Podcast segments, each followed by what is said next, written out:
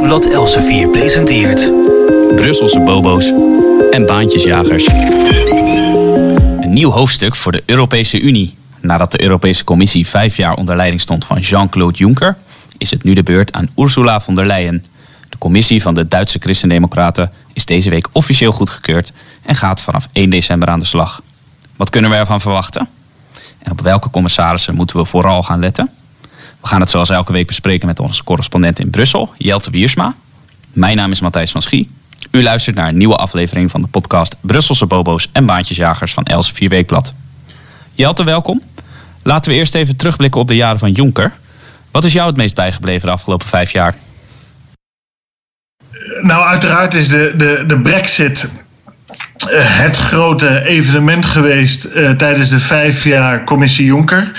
En dan moet je vooral, uh, wat mij betreft, denken aan het feit dat um, het Verenigd Koninkrijk onder premier David Cameron heeft geprobeerd een ander arrangement te organiseren voor zichzelf met het Verenigd Koninkrijk.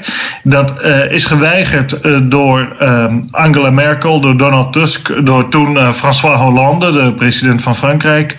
Um, Cameron kwam terug in het Verenigd Koninkrijk. Uh, die eh, voor de campagne voor in het Verenigd Koninkrijk of in de Europese Unie blijven.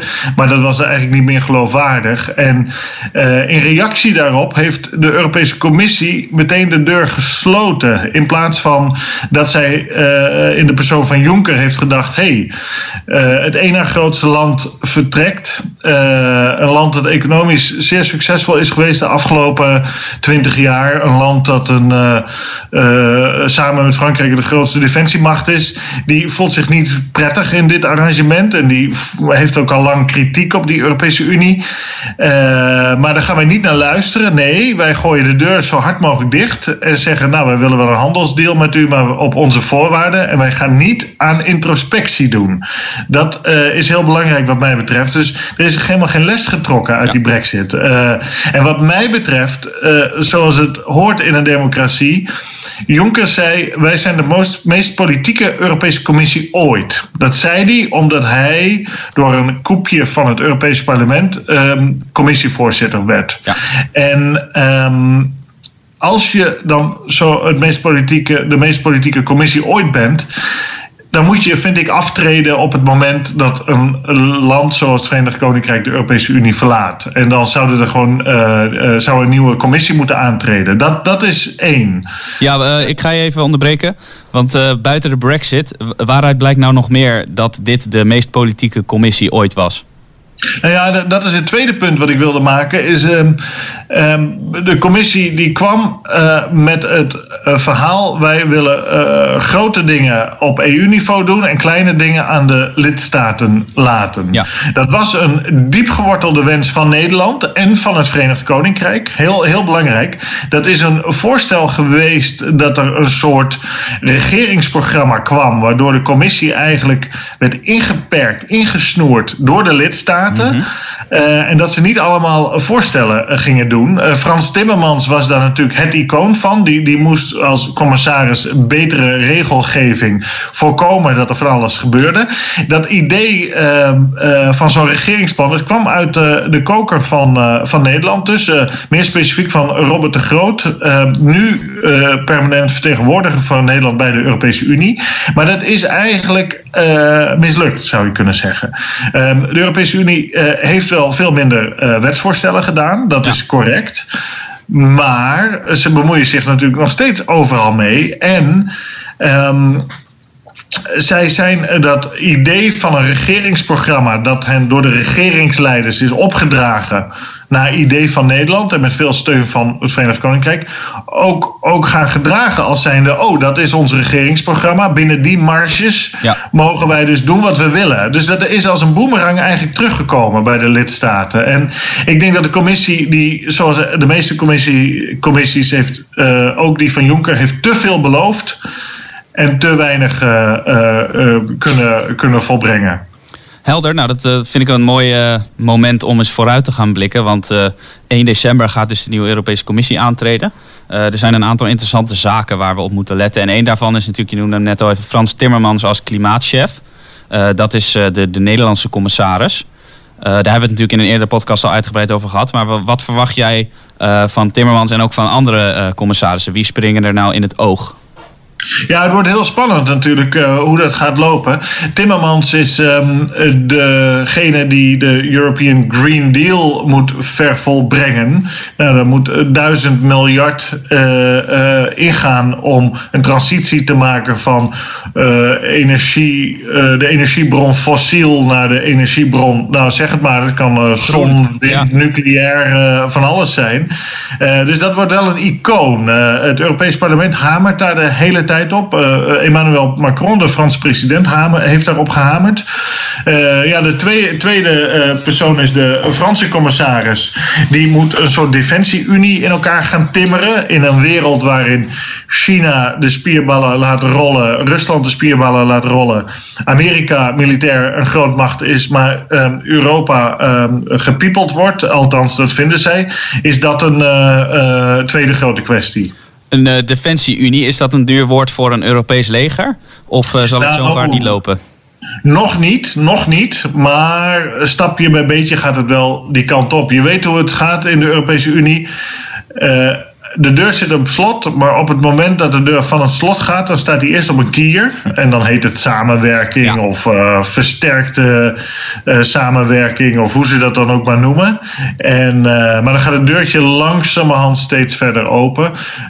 hoe dat precies gaat uitpakken op lange termijn moeten we natuurlijk zien. Maar ik, ik ben ervan overtuigd dat je een situatie gaat krijgen waarbij er veel meer integratie plaatsvindt. de Nederlandse landmacht is de facto ook al gewoon een outlet van de Duitse landmacht. Hè? Dat laten we wel zijn. Uh, en de Nederlandse en Belgische luchtmacht werken al volledig geïntegreerd samen. Dus um, dat is een pad dat verder gevolgd gaat worden. Duidelijk. Uh, ik zag nog een interessante commissaris. ik heb eventjes zitten bladeren. De commissaris die verantwoordelijk gaat worden voor de uitbreiding van de Europese Unie. Die komt uit Hongarije. En ja. we kennen natuurlijk Hongarije als een land dat uh, niet altijd een even goede band heeft met de Europese Unie. Is dat uh, heel saillant dat dan juist dit land deze portefeuille in handen krijgt? Nou, niet, niet per se. Wat wel saillant is dat, uh, uh, dat de juridische poot daar ook uh, bij zat of zit. En, en dat is wel een kwestie natuurlijk in een land waar wel enige twijfels over bestaan of dat juridisch wel allemaal in orde is daar. en dan heb je het over ja. scheiding van, van machten, eerlijke behandeling van burgers en bedrijven die, die een conflict met elkaar hebben of met de staat hebben. Dus dat is wel uh, in die zin een kwestie. Op zich is het niet zo. Uh, uh, verwacht ik daar niet zoveel van. Want uiteindelijk de macht over uitbreiding ligt bij de lidstaten. Elk land heeft een veto. Dus die, die bepalen wat daar gebeurt. Duidelijk. Uh, je hebt het al eerder betoogd. We krijgen straks een Duitse commissievoorzitter. Maar een ander land, Frankrijk, krijgt eigenlijk het meest van alle de touwtjes in handen. kun je nog eens uitleggen waarom dat zo is? Nou ja, die, die European Green Deal, dat was een, een diep gewortelde wens van eh, Emmanuel Macron. En dat was uh, geen wens van de Duitse bondskanselier Angela Merkel. Um, dat moet uh, toch even goed gezegd worden. Dat, uh, Merkel is natuurlijk wel bekend geraakt door haar energiewende na de Fukushima ja. Uh, uh, tsunami en de meltdown van die kerncentrale, waarbij overigens, uh, ik geloof maar één persoon is omgekomen.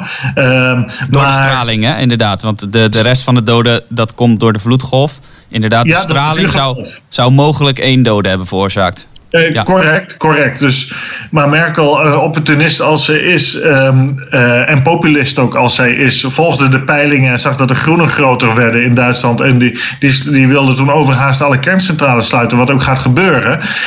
dat zet Duitsland voor een groot probleem, want Duitsland heeft zelf verder niet veel energiebronnen behalve kolen en, en, en bruinkool. Ja. dus die kolen- en bruinkoolcentrales die draaien daar volop in Duitsland. En ja, de spits spitsenkandidaat van de Europese Volkspartij, waar Merkel's CDU ook bij is aangesloten, was de Duitser Manfred Weber. Die hoopte commissievoorzitter te worden. En die voerde expliciet campagne met veel lagere ambities wat betreft het beperken van de CO2-uitstoot. Uh, dus, uh, maar Merkel is uiteindelijk omgegaan. Uh, ook onder druk wel van de protestantse kerk in Duitsland, waar zij lid van is, de Evangelische Kirche Deutschlands. Die hebben erg veel druk op haar uitgeoefend. Uh, maar voor Duitsland wordt dat een groot probleem. Terwijl in een land zoals Frankrijk, waar 75% van de elektriciteit door kernenergie wordt opgewekt, wordt, is dat allemaal veel makkelijker. Dus um, um, het is eigenlijk niet meer haalbaar om dat zonder kernenergie te doen. En dat is wel saillant. Mede op initiatief van VVD'er Jan Huytema is uh, in het Europese parlement deze week in Straatsburg een motie aangenomen dat ook kernenergie onderdeel uh, kan gaan uitmaken uh, van een alterna als alternatieve energiebron om de CO2 terug te brengen. Want dat zegt ook het Internationaal Klimaatpanel van ja. de Verenigde Naties, het IPCC, dat zonder kernenergie lukt het niet. Dus, nou, dat betogen wij natuurlijk als Elsevier Weekblad ook al een hele tijd. In Nederland wordt er nog niet naar geluisterd, maar in Brussel dus blijkbaar wel. Kunnen we dat ja, dan als dat goed beweegt wel. Dat, dat, ja. is heel, dat is echt fascinerend om te zien. Dat bewegen, want iedereen gaat zich realiseren. Het kan niet anders. Ja. En, en beschaafde landen zoals Finland en Zweden, Frankrijk, die bouwen die kerncentrales ook. Hè? Dus uh, uh, het zijn geen. Uh, en het Verenigd Koninkrijk bouwt ook twee kerncentrales. Dus het zijn de meer serieuzere landen in de EU die, daar, die daarmee bezig zijn. In Noordwest-Europa. Dus, um, maar Duitsland staat nu voor het blok. Die, je hebt dus de meest groene commissie ooit. Althans, dat vinden ze. En um, ja, dat is een commissie die doet wat, wat Frankrijk wil en wat ook wel Zweden wil en zo. Maar voor Duitsland intern wordt dit een geweldige uitdaging. Dus ik ben heel benieuwd hoe ze daarmee om gaan, gaan in uh, Duitsland. Ja, de, daar zijn we erg benieuwd naar. Wat ook een uh, grote uitdaging wordt, zowel voor, voor de Europese Unie als voor het Verenigd Koninkrijk, is natuurlijk de Brexit. Ehm, met Brexit is gelijk de reden genoemd dat het Verenigd Koninkrijk het enige land is zonder commissaris in de nieuwe commissie. En uh, jij hebt voor uh, de huidige Elsevier Weekblad gesproken met het brein achter de Brexit, uh, Daniel Hannon. Het is een erg lezenswaardig interview. Ik kan het u als luisteraar van harte aanraden om dat te lezen, maar we kunnen het natuurlijk ook hier alvast bespreken. Het is een inspirerende man, Daniel Hannon. hoe ziet hij het vertrek van het Verenigd Koninkrijk uit de EU? Ja, hij is dolgelukkig. Um, hij heeft vanaf zijn negentiende, uh, toen hij nog student was in Oxford, al campagne gevoerd uh, tegen het Britse lidmaatschap van de Europese Unie. Niet zozeer uh, te, uh, tegen het lidmaatschap van de voorgangers daarvan, maar wel tegen uh, de Europese Unie zoals die gevormd is bij het verdrag van Maastricht in 91 en ja. geëffectueerd in 92. En die stap vond hij veel te ver gaan. En, en, en, en dat was voor hem de aanleiding om te zeggen: wij moeten, uit die, wij moeten daaruit. Want dit is niet meer een economisch samenwerkingsverband, maar als het nu ook een munt gaat krijgen en ook een vlag en ook een volkslied. Uh, open grenzen. Uh, dan is dit op weg naar het worden van een federale staat. En hij zegt, ja, de geschiedenis leert dat federale staten met verschillende bevolkingen nooit democratisch kunnen zijn. Um, dan moet je denken aan de Sovjet-Unie, het Habsburgse imperium en andere. Hij zei, als mensen dan in zo'n imperium de kans krijgen om te vertrekken, dus de democratische stem krijgen om, om uh, te zeggen: wil ik nog wel of niet lid van die tent blijven, dat ze uiteindelijk besluiten om te vertrekken. En uh, hij wijst ook op een heel, hele serie referenda die er zijn geweest onder meer in Nederland natuurlijk over de Europese grondwet in 2005, waar bij de uh, ruime meerderheid van de Nederlanders bij een hoge opkomst zei: ja, dat willen we niet. Uh, in Frankrijk hetzelfde verhaal, ruime opkomst, uh, over grote meerderheid die zei: dat willen we niet. En toch is het gebeurd. Dus je, je, je kan alleen maar, volgens in zijn redenering, via antidemocratische weg, zonder steun van de bevolking, naar zo'n imperium toewerken en zo'n imperium in stand houden. Ja, de, wat wel via de democratische weg is gebeurd, is het, uh, het referendum over Brexit. Uh, en hij heeft daar mede voor, van aan de basis gestaan. En ehm, hij ziet de toekomst best optimistisch tegemoet. Hè, waar natuurlijk veel ja, pessimistische geluiden zijn over Brexit. Dat het economisch enorm moeilijk zou worden. is hij juist de man die de toekomst vol vertrouwen tegemoet gaat? Ja, dat is correct. Daar valt ook wel iets voor te zeggen. Kijk, het Verenigd Koninkrijk um, handelt um, voor 65% met de rest van de wereld en maar met 4, voor 44% met de Europese Unie. Dus en dat neemt af. Dat percentage van handel met de Europese Unie neemt af. Sterker nog, dat percentage handel met de Europese Unie is ook enigszins kunstmatig. Want dat is alleen maar 44 procent omdat het Verenigd Koninkrijk in die interne markt zit. En die interne markt, dat is niet een vrijhandelsmarkt per se, maar dat is ook een protectionistisch blok. Mhm. Dat is minstens zo belangrijk om te begrijpen. Um, dus allerlei producten die het Verenigd Koninkrijk zou, zou willen kopen, veel goedkoper uit Azië, Afrika, Noord-Zuid-Amerika kan het niet importeren. Uh, want die zijn uh, onderworpen aan allerlei importheffingen onder EU-regels. Terwijl uh, buiten de Europese Unie, dan kunnen ze in plaats van bijvoorbeeld schoenen uit Portugal, kunnen ze schoenen uit Chili of zo kopen. En die zijn dan veel goedkoper. Dus mensen zoals Hennen zeggen van ja. Dat is, dus het is duur, voor, zegt hij, om in de Europese Unie te zitten. Twee, um, ja, de, het aandeel van in de wereldeconomie van Azië en uh, Afrika en ook van Noord- en Zuid-Amerika neemt toe en dat van Europa krimpt. Dus hij zegt, wat is rationeel om natuurlijk aan te haken bij die groeiende blokken. Dat je daar deel van uitmaakt in de zin van dat je daar handel uh, ja. uh, mee kan drijven. Ik zie het ook in de Nederlandse cijfers. De Nederlandse cijfers zijn. Uh, wij hebben elk, elk jaar 1 procentpunt minder handel met de Europese landen.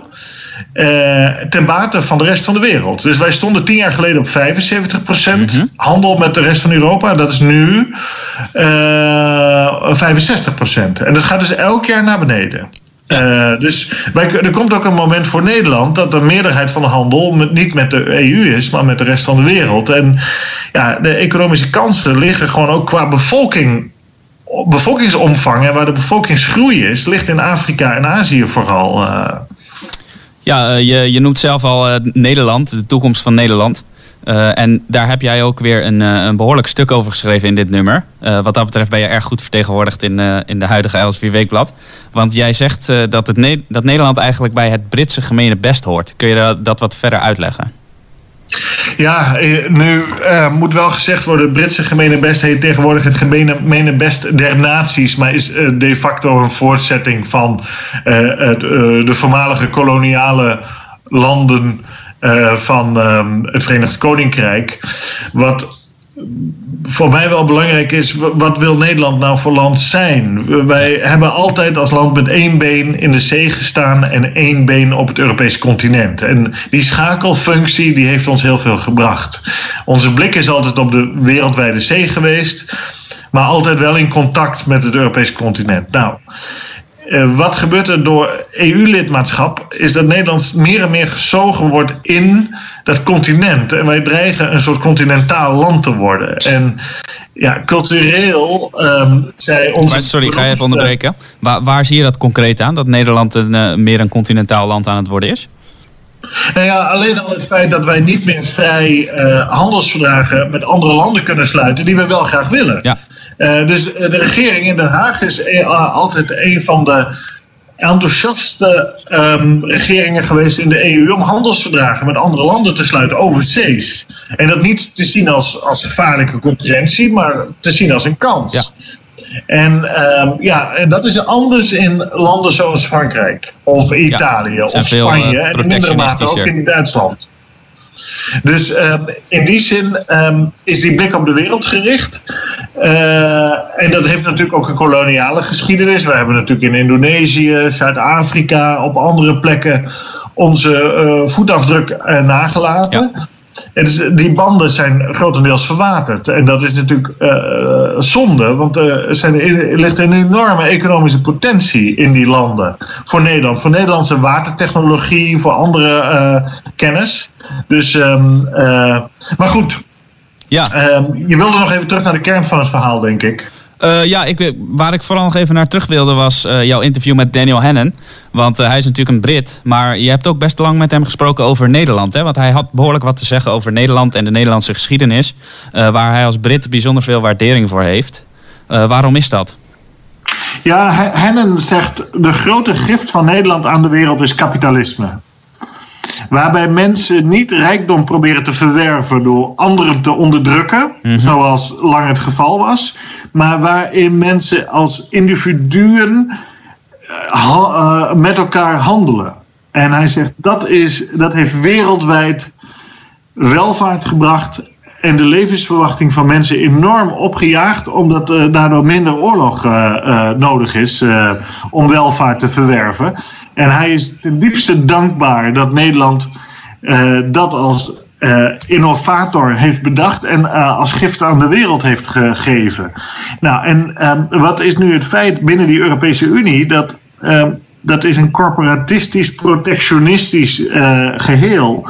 Waarbij eigenlijk die vrijheid meer en meer aan banden wordt gelegd. En um, een van de argumenten van hen en dan ook om eruit te gaan, is, is dat. Dat het uiteindelijk het slopen is van kapitalisme. En hij zegt: de kapitalisme, vrije markt, economie, dat brengt welvaart en vrede en voorspoed. En ja, Nederland uh, moet volgens mij een keer uh, gaan kiezen: wat gaan we nou doen? Ja. Um, Gaan wij ons afsluiten uh, en gaan wij uh, eigenlijk een provincie van Duitsland worden? En in mindere mate van Frankrijk? Uh, en mee in dat protectionisme. En die trend is er in Den Haag. Dat is heel belangrijk. Hè? Die stemmen hoor je steeds meer. Zelfs de Partij van de Arbeid is nu tegen het CETA-vrijhandelsverdrag met Canada. Een van de meest beschaafde landen ter wereld. Waar, waar, waar ze eerst nog voor waren. Uh, dus de, de, reflexen in Den Haag zijn ook industriepolitiek voeren, bescherming van Nederlandse bedrijven. In Europees verband die Green Deal, waar we het al over hadden, wat industriepolitiek is. En industriepolitiek is politici die denken dat zij beter weten dan ondernemers en consumenten wat, wat uh, verstandig is om te doen en wat ras, economisch rationeel is.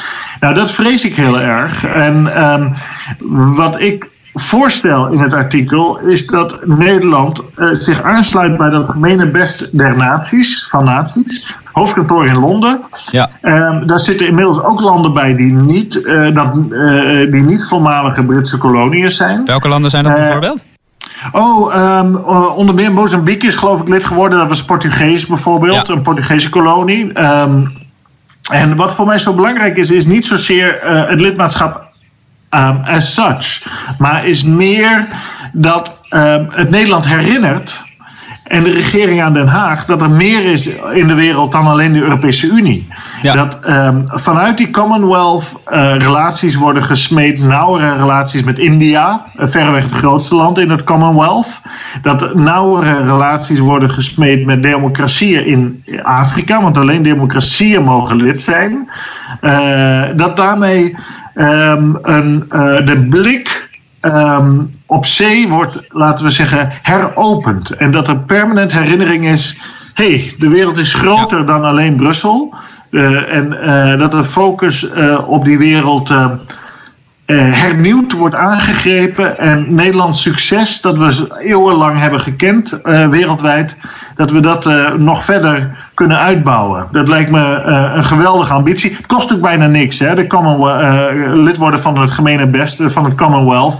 Uh, het brengt geen juridische verplichtingen bijna met zich mee of zo. Dus dat heeft niet in zich een dreigende vorm zoals de Europese Unie dat heeft of internationale verdragen dat heeft. Dus we kunnen dat, dat zonder veel problemen doen. Maar het is gewoon als icoon lijkt het me verstandig om te doen. Kan dat ook samen met het EU-lidmaatschap, het lidmaatschap van het gemene best?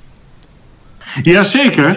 Uh, Malta is, uh, is ook lid. Uh, en dat is een voormalige kolonie van het Verenigd Koninkrijk. En Malta is ook Euroland. Ja, hè? Dus, en Schengenland. Dus Malta zit overal in. Net zoals Nederland. En is ook lid. Dus dat is, is zeer goed mogelijk. Nou, dat is een, een interessante suggestie.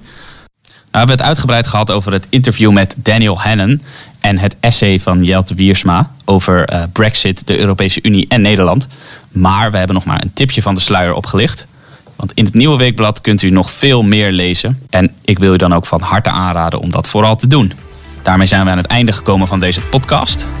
Uh, Jelte, ik wil jou hartelijk danken. En ik wil u, de luisteraar, ook hartelijk danken voor het luisteren naar Brusselse bobo's en baantjesjagers. Wilt u nou niets missen van deze podcastserie of van onze andere podcasts? Abonneer u dan op ons kanaal Elsevier Weekblad, bijvoorbeeld op Spotify, iTunes of op YouTube. Of ga naar elsevierweekblad.nl slash podcast. Tot de volgende keer.